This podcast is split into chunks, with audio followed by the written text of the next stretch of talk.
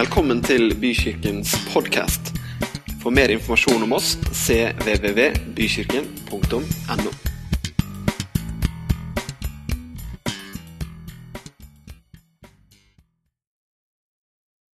Du, Herre, spurte Saul, og svaret lød, Jeg er Jesus, han som du forfølger. Men reis deg nå og gå inn i byen. Der vil noen si deg hva du skal gjøre. Mennene som fulgte han, sto målløse. De hørte stemmen, men så ingen. Saulus reiste seg og åpnet øynene, men han kunne ikke se. Så de tok ham i hånden og leide ham inn i Damaskus. I tre dager var han uten syn, og han verken spiste eller drakk. I Damaskus bodde en disippel som het Ananias. I et syn sa Herren til ham, 'Ananias.' Han svarte, 'Her er jeg, Herre.' Og Herren sa, 'Gå bort til den gaten som kalles Den rette.' 'Og i huset til Judas skal du spørre etter Saulus fra Tarsus.' For se, han ber. Og han har hatt et syn og sett en mann som heter Ananias, komme og legge hendene på han, så han får synet igjen. Men Ananias svarte, Herre, jeg har hørt mange fortelle om denne mannen og alt det onde han har gjort mot dine hellige i Jerusalem. Og nå er han her med fullmakt fra overprestene for å legge alle i lenker som påkaller ditt navn. Men Herren sa til han, Gå, for jeg har utvalgt ham som mitt redskap til å bære mitt navn framfor hedningefolk og konger og for Israels folk. Og jeg skal vise ham alt han må lide for mitt navns skyld. Da gikk Ananias, og han kom inn i huset, la hendene på ham og sa, Saul, min bror, Herren selv, Jesus, som viste seg for deg på veien hit, han har sendt meg for at du skal få synet igjen og bli fylt av Den hellige ånd. Straks var det som om skjell falt fra øynene hans, og han kunne se. Han sto opp og ble døpt. Så spiste han og kom til krefter. Han ble noen dager hos disiplene i Damaskus, hvor han straks forkynte Jesus i synagogene og sa, 'Han er Guds sønn'. Alle som hørte på, ble forundret og sa, 'Er ikke dette han som i Jerusalem ville utrydde alle som påkaller dette navnet?' Kom han, hit for å føre dem, kom han ikke hit for å føre dem i lenker til overprestene? Men Saulus fikk stadig større kraft, og jødene i Damaskus ble svar skyldig da han viste klart at Jesus er Messias. Det er drama. Det merkelige med denne Ananias, som står for en av de mest dramatiske hendelsene i apostlenes gjerninger, og man kan si at en er mer dramatisk enn de andre, men han står for en av disse store opplevelsene som har fått en følge for deg og meg i dag. Han var den som gjorde det som skulle til for at apostelen Paulus kom i gang. Vi vet ikke noe mer om Ananias. Det er ikke mannen til Safira, Ananias og Safira, eh, tidligere i apostlenes gjerninger, de som jugde om eh, hvor mye de hadde solgt eiendommen for, og pga. det døde. Men det er bare denne Ananias, disippelen, som bodde i Damaskus. I dag har jeg lyst til å snakke med deg om noe som er vanlig. Fordi, for Ananias han var nemlig en vanlig disippel. Noen ganger så er, jeg vet ikke det er med deg, men Hvor mange syns det er bra å komme liksom tilbake til hverdagslivet etter ferien? Ja, Vær, vær litt ærlig. Ja, Det er ganske mange. Og nå er, nå, nå er, det flere og flere som tør her. Er Spennende å se utviklingen. Ja, det er mange som syns det. Noen skulle gjerne ønske at livet var en ferie hele året, men sånn er det ikke. Men det er noe, i hvert fall da, om ikke akkurat overgangen ferie-hverdag, så er det noe med dette vanlige som vi ikke skal forakte. Noen av liker, eh, noen, av oss, noen liker å tenke på seg selv som alt annet enn vanlig. Men allikevel er det noe med det vanlige som vi skal snakke om i dag. Noe av det som på en måte er litt likt for oss alle. Og Det første er egentlig akkurat det som vi nå snakka om rundt Ananias, nemlig at han var en disippel. Du og jeg, hvis du har tatt imot Jesus Kristus som din frelser og herre, så er du ikke bare en personlig kristen, som noen sliter litt med å bruke. Du er ikke bare en troende, du er ikke bare en religiøs person, som man sier på det politiske språket. Nei, du er en disippel av Jesus. Disippel, det betyr ett etterfølger. Det betyr en som har noen han følger etter. Du og jeg er disipler. Det står gjennom hele boka her hvordan de troende blir benevnt som disipler. Tallet på disipler økte, står det mange ganger, gjennom apostlenes gjerninger. Det som er merkelig, det er at når selveste Paulus eller Saulus, som han het, sjefsforfølgeren. Han som hadde mange kristne liv på samvittigheten. Han som hadde stått der og syntes at det var bra når Stefanus ble tatt livet av. Når han møter Herren og skal møte en disippel og får skikk på livet sitt og begynne å tjene Gud, da er det Ananias som får oppdraget. En vanlig disippel som nok en gang vi ikke vet noe mer om. Man skulle jo tro at Gud i hvert fall kunne vist seg i et syn for Peter. Han hadde jo allerede erfaring i å liksom stå mot trøkket i Jerusalem. Eller kanskje Johannes, den disippelen som Jesus hadde kjær, som følte seg veldig spesiell. Det er jo merkelig at ikke Gud bruker han. Altså Hadde det vært meg da, som skulle sørge for at, at, at, at Paulus kom på rett skikk så, altså, jeg hadde jo kanskje Nå er det for seint, men hadde det vært litt tidlig, så hadde jeg ringt Billy Graham. Nei, men Er du ikke med på tanke? Altså, det er liksom den største motstanderen som virkelig skal møte Herren og bli utrusta, døpt og, og bli helbreda. Og så er det en vanlig disippel som får oppdraget. Ja, Det er mange jeg hadde vurdert altså, før jeg hadde liksom bare ringt en eller annen tilfeldig, eh, et eller annet tilfeldig medlem på lista. Kanskje i hvert fall da, Egil Svartdal. Altså, Han kunne jo fiksa det sikkert. Men det som er fantastisk, og det som jeg vil at du skal vite, og det som jeg vil løfte fram, det er at det, det trenger ikke å være et spesielt kjent navn, men en disippel er nok. En disippel av Jesus er nok for denne situasjonen.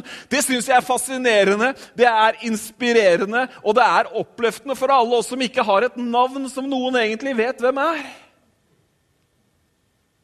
Men det var en disippel der. Hvorfor er en disippel nok? En vanlig disippel, hvorfor er det nok? Jo, fordi at en vanlig disippel kjenner Gud kjenner sin mester og vet at ordet hans, boka, det er liksom ikke skjønnlitterær ferielektyre. Nei, det er veiledning, det er instruksjon, det er sannhet. Det er noe man kan bygge livet sitt og handle ut fra. En vanlig disippel. Hm. I Johannes 10 så står det noen vers fra det, eh, kapittel 10 og fra vers 1. Sannelig sier jeg dere Den som ikke går inn til saueflokken gjennom porten, men klatrer over et annet sted, han er en tyv og en røver. Men den som kommer inn gjennom porten, er gjeter for sauene. Portvokteren åpner for han, og sauene hører stemmen hans. Han kaller sine egne ved navn og fører dem ut. Og når han har fått ut alle sine, går han foran dem, og sauene følger ham for de kjenner stemmen hans. Men en fremmed følger de ikke, de flykter fra ham fordi de ikke kjenner en fremmedes stemme. Denne lignelsen fortalte Jesus, men de skjønte ikke hva han mente. Da sa Jesus sannelig, sannelig, jeg sier dere, jeg er porten inn til sauene. Alle som er kommet før meg, er tyver og røvere, men sauene har ikke hørt på dem. Sauene kjenner stemmen. Sauene følger etter hyrden når han går ut. En vanlig disippel kjenner stemmen til Jesus. En vanlig disippel følger etter han dit han går. La meg stille deg et spørsmål. Tenk på Ananias lite grann. Var det første gangen at Ananias hørte Guds stemme? Etter din mening? Nei, veldig sannsynlig så var dette ikke første gangen. Og det kan vi lese ut fra reaksjonen, fordi at han starter dialogen umiddelbart. En vanlig disippel kjenner hyrdens stemme. Har hørt gjeterens ord før. I overført mesteren Jesus, den gode hyrde, den store hyrde, vår sjels hyrde. Som disipler, som vanlige disipler, så kjenner vi hans stemme. Vi har hørt den før. Vi kan handle på den. Vi kan ta imot det han har å si. Men vi må gå videre. En vanlig disippel. En vanlig disippel, vil jeg påstå, har vanlige innvendinger.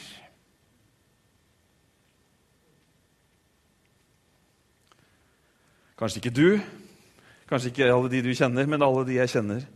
De har vanlige innvendinger.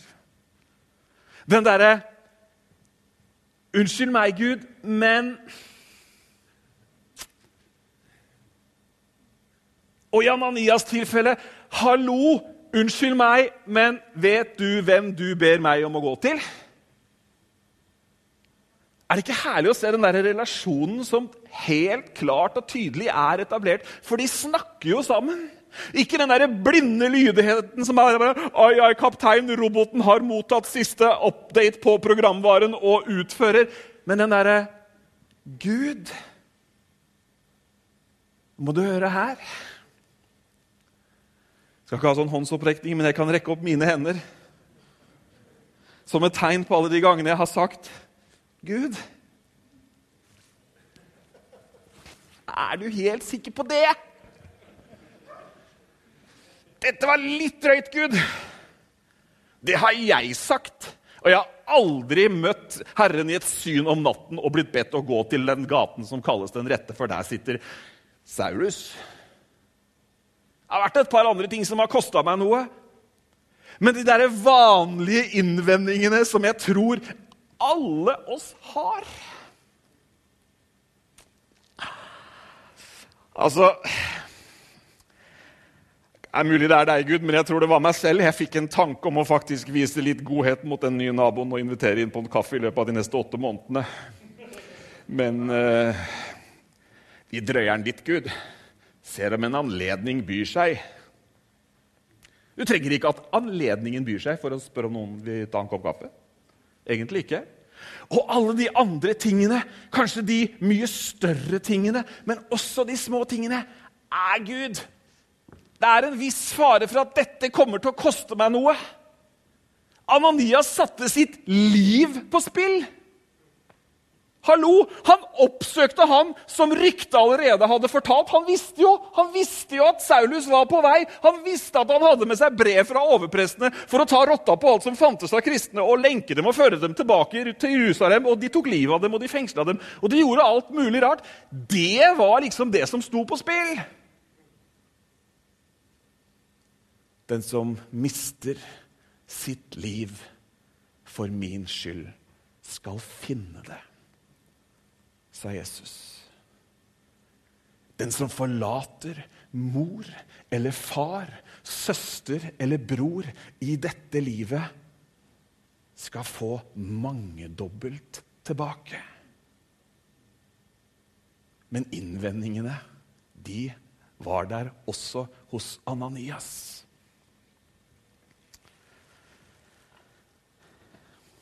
Har du noen innvendinger?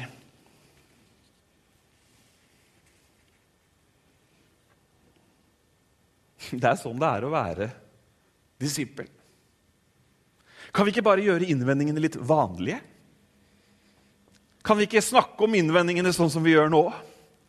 Kan vi ikke i samtalen over kaffebordet, i life-grupper, i vennskapsrelasjonene våre sette noen ord på de innvendingene eller unnskyldninger der i samme gata som vi opplever at vi har når Gud kaller oss til å gå for Han. For dere vanlige disipler har vanlige innvendinger. Og det er helt vanlig. Er det ikke deilig å være vanlig av du? Åh, ikke skulle måtte stikke seg ut. Ikke trenge norske talenter eller et eller annet for å få en scene og tvinge alle til å like deg på Facebook sånn at du får et navn. Men bare være en vanlig disippel. Jeg tror det er en sånn vandring. Jeg tror det er noe med det å overvinne de minste innvendingene, for så å få kanskje litt større oppdrag. Det er ikke bare noe jeg mener, men Bibelen sier at er du tro i det lille, så blir du også satt over det større. Så Ananias han hadde sikkert vært på oppdrag før. Han hadde sikkert både bedt for syke i gata og sagt et oppmuntringens ord til dama på Coop og, og, og virkelig liksom vært sånn veldig hverdagslig, og så tok han denne utfordringen på strak arm. For det skjer jo noe der da, i denne dialogen. Herren vinner som vanlig, har jeg lagt til. Ja, Vinner han alltid? Nei, han vinner ikke alltid. Men han vinner alltid i relasjonen disippel og mester. Så er det alltid mesteren som vinner. Det er ikke sånn at Gud vinner i alle sine liv. Det er ikke sånn at Gud automatisk i ditt liv vinner. For du er en disippel, og hvis ikke disippelen hører på det mesteren sier, ikke er lydig mot hans ord, da vinner ikke Gud i den situasjonen. Så kan det være at Gud går til noen annen for å få utført det oppdraget han vil, sånn at han på den måten vinner. Men i relasjonen til den vanlige disippelen så er det ikke nødvendigvis sånn at Gud vinner. Men allikevel, her vinner han. Og det er ikke en overraskelse at han vinner heller, for det er en disippel han snakker med. Vi har jo disse relasjonene og disse forholdene rundt oss på et hverdagslig plan. Vi har vi er medarbeidere, og vi har en sjef, eller vi er spiller og har en trener. og Treneren har for så håpentligvis oversikten og vet best. Og selv om ikke du er enig i det, så kan det hende at sjefen også har det, men han har sikra seg med en eller annen kontrakt som gjør at jobben allikevel blir gjort. Men disippelen er ikke det samme som en ansatt. Det er noe mer det er en relasjon der. Og den vanlige disippelen med de vanlige innvendingene, som opplever at Herren vinner som vanlig, er en disippel som stoler på Herren. Vet at Herren vil det beste. Vet at han er trofast. Vet at han holder ord. Vet at han er Herre, at han er Messias, at han elsker meg og at han elsker alle mennesker. Og Derfor så kan vi som disipler overgi oss til ham. En disippel er lydig og gjør det som Herren sier. Vet du at å gi Gud, eller gi Herren, rett i noe, det er det samme som å stole på at det han sier, er sant. Ja, men da er det riktig, Gud. Da er det rett. Du er sannheten. Det er jo fantastisk, det som skjer. Det er kanskje en vanlig disippel. Kanskje med de vanlige innvendingene, og kanskje etter vanen i dette disippel- og mesterforholdet, så er det Herren som vinner. Men det som skjer, er helt fantastisk. Det er helt overnaturlig. Synet om natten er overnaturlig. Herren viser seg for Ananias og ber han om å gjøre noe. Det er helt detaljert. Herren han, han, sitter i den gata som kalles Den rette. Den gata fins i Damaskus fortsatt. forresten. Hvis du vil prøve å finne ut hvilket hus eh, Saulus eh, satt i, så finnes gata fortsatt. Den heter ikke Den rette på, på det språket der, men det klarer du å finne ut hvis du søker det opp. Men så skjer jo det at Ananias kommer inn der. For det første så er det jo nydelig hvordan han kommer inn og møter sjefsforfølgeren, og så sier han 'Saul, bror'. Er ikke nydelig? Er, er ikke fantastisk? Du må være disippel for å få til det. Jeg veit ikke om jeg hadde klart å si 'bror'. Jeg tror jeg hadde sett han fra dørterskelen liksom, eh, sett an situasjonen lite grann. Sitter han der og fnyser av vrede, han der Saulus? Eller viser han litt ydmykhet? Jeg tror han viser litt ydmykhet. Du pleier å roe deg litt etter tre dager i blindhet. Men så vet disippelen hvilket oppdrag han er på. Kommer ikke og sier 'Her er jeg, Ananias, og jeg har alle løsninger'.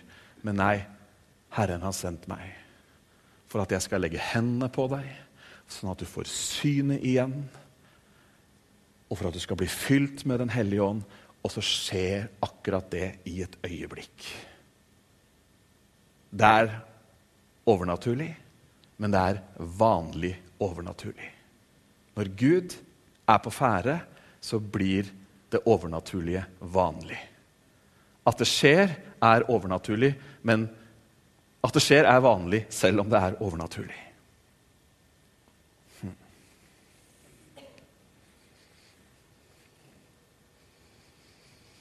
Ja, det var Ananias. Lenge siden. Langt bort i tid og sted. Her sitter vi, disipler av Jesus, i 2018. Vanlige disipler. Vet at noen av dere gjerne ville bli tiltalt som ekstraordinære. Og det er du på din måte, men i en kollektiv benevnelse og i denne adresseringen så er du og jeg en vanlig disippel. Kanskje du tenker at jeg har en annen historie. Kanskje du tenker at uh, jeg er ikke så vanlig. Det funker sikkert for de andre, men ikke for meg. Kanskje du allikevel er vanligere enn det du drømmer om.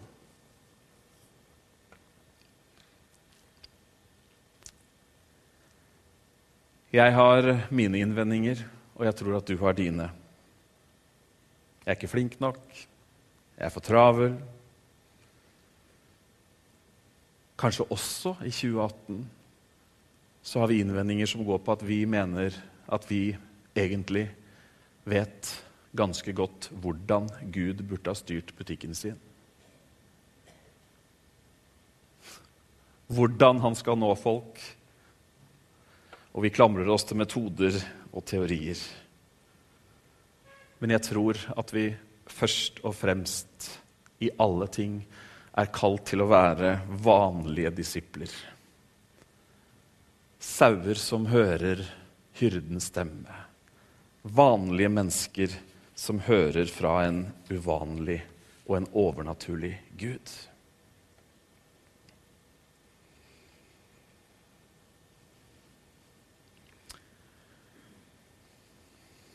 For eh, noen få dager siden så traff jeg en type som holdt på å selge advokatpraksisen sin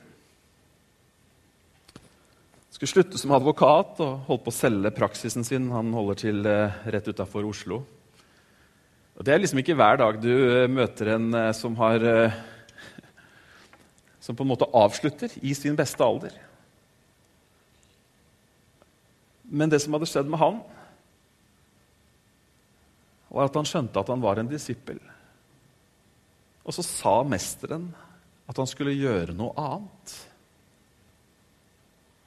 Og Vi gikk ikke inn på detaljer som betingelser og årslønn osv., men, men såpass oppegående er jeg jo at å gå fra å være Oslo-advokat med egen praksis til å bli pastor i en liten pinsemenighet som han skulle gjøre Det må være noen innvendinger mellom de punktene, må det ikke det? Et par stykker. Altså, jeg kan umiddelbart komme med 14. Men han sa for meg så er det bare Nå orker jeg ikke å kjempe lenger mot. Og så gjør han sikkert noe som får, har fått kollegaene hans til å riste på hodet. Store deler av familien til å riste på hodet. Og det, jeg vet ikke hvor mange han har fortalt det til, men jeg kan tenke meg at det er et par av naboene som, eh, når de ser han, liksom Hallo? Jeg vet ikke hva de rundt Ananias sa, jeg. Men eh, det er mulig at fruen sa takk for alt idet han gikk ut.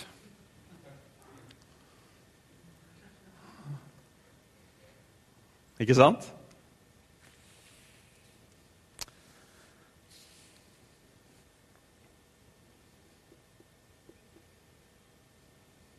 Jeg tror ikke det handler om eh, jobb for alle, men for noen.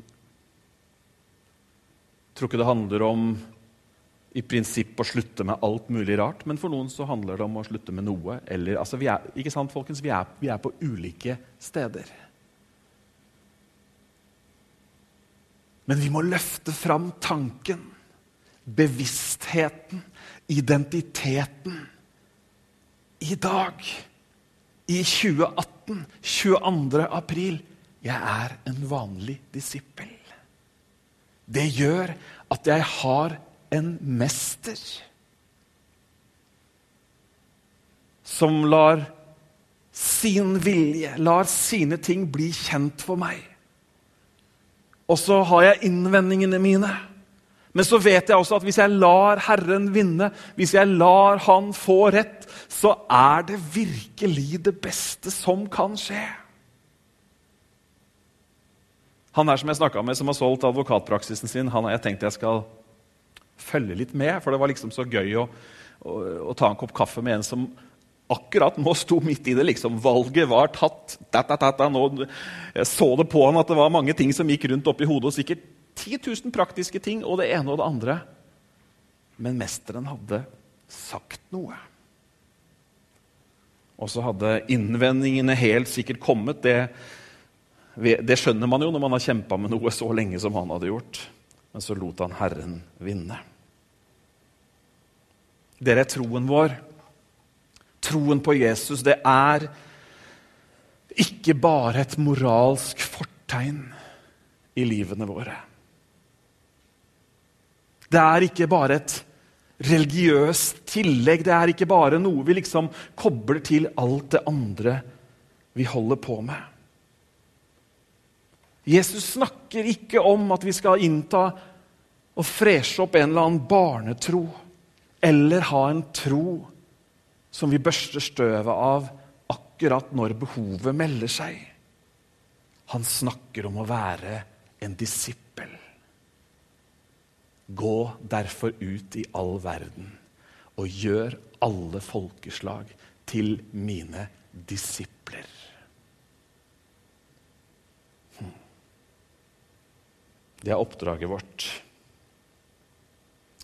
Så skal du få tre spørsmål som du enten kan prøve å huske eller notere ned. Det første Er jeg en vanlig disippel.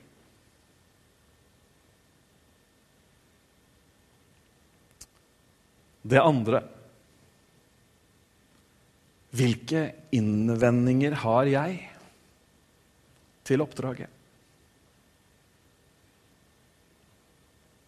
Og det tredje Er det vanlige at Herren vinner? Vil du ha det med en gang til? Nei, alle husker det med en gang. Så fint. Får dem allikevel. Er jeg en vanlig disippel? Hvilke innvendinger har jeg til oppdraget? Er det vanlige at Herren vinner? Det er kun du som kan svare på spørsmålene, for det er ditt liv. Det er bare du som kan gi respons. Jesus levde på jorda her og viste disippelliv i praksis. Og alle disiplene starta sin disippelkarriere ved å handle på en utfordring som Jesus ga. Han gikk der langs sjøen kom i prat med dem, og så sier han, 'Følg meg'. Det var åpenbart at ikke det holdt å si 'ja, tusen takk, vi sees kanskje snart igjen'. Men det var en handling, det var et nytt liv som begynte. Følg meg, sier han. Kom til meg, sier han. Hør mine ord og gjør mine ord, sier han.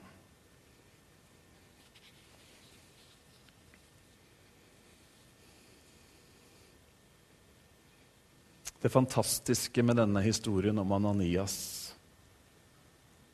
er hva som skjer etter at Ananias har utført sitt oppdrag. Det er mind-blowing. Det er heftig. Hva skjer? Paulus får ingen prøvetid. Paulus må ikke gå på bibelskole. Paulus må ikke liksom gå alle gradene, men straks så begynner Paulus å leve livet som en etterfølger av Jesus. Og så vet Vi jo, vi sitter jo her den dag i dag, mange år etterpå, og leser det han har skrevet, leser hans brev. Han var en nøkkelperson i den første eh, kristne menighet og virkelig en søyle som holder alt av kristenhet, uansett hva slags eh, kirkesamfunnsmerke du setter på det, som holder det hele oppe. Fantastiske resultater! Helt fantastiske resultater! Så kan du si det samme om mange av de samme apostlene. De som fulgte Jesus, de som holdt fast ved Jesus, de som hørte ordene hans, og som handla på det, og de som var med å grunnlegge den første kristne menighet. Og det er jo som om ikke det å være i en levende disippelrelasjon med Jesus er motiverende nok for det er det faktisk i seg sjøl, så er jo også det meningsfulle i det å være en som gir dette videre til barna, til ungdommene, til naboene, til landet vårt og til verden. Det overskygger jo alt. Resultatet av en vanlig disippel. Som sikkert etter vanen satte seg ned og hørte mesterens røst. Som sikkert hadde hørt og lest mange ganger. Det er der du og jeg er. Midt oppi travelhet, midt oppi 2018, midt oppi alt som alle andre rundt oss forteller at vi burde gjøre, burde ha, og steder vi burde ha vært så husk på at du er en vanlig disippel som hører mesterens røst. Amen. Amen.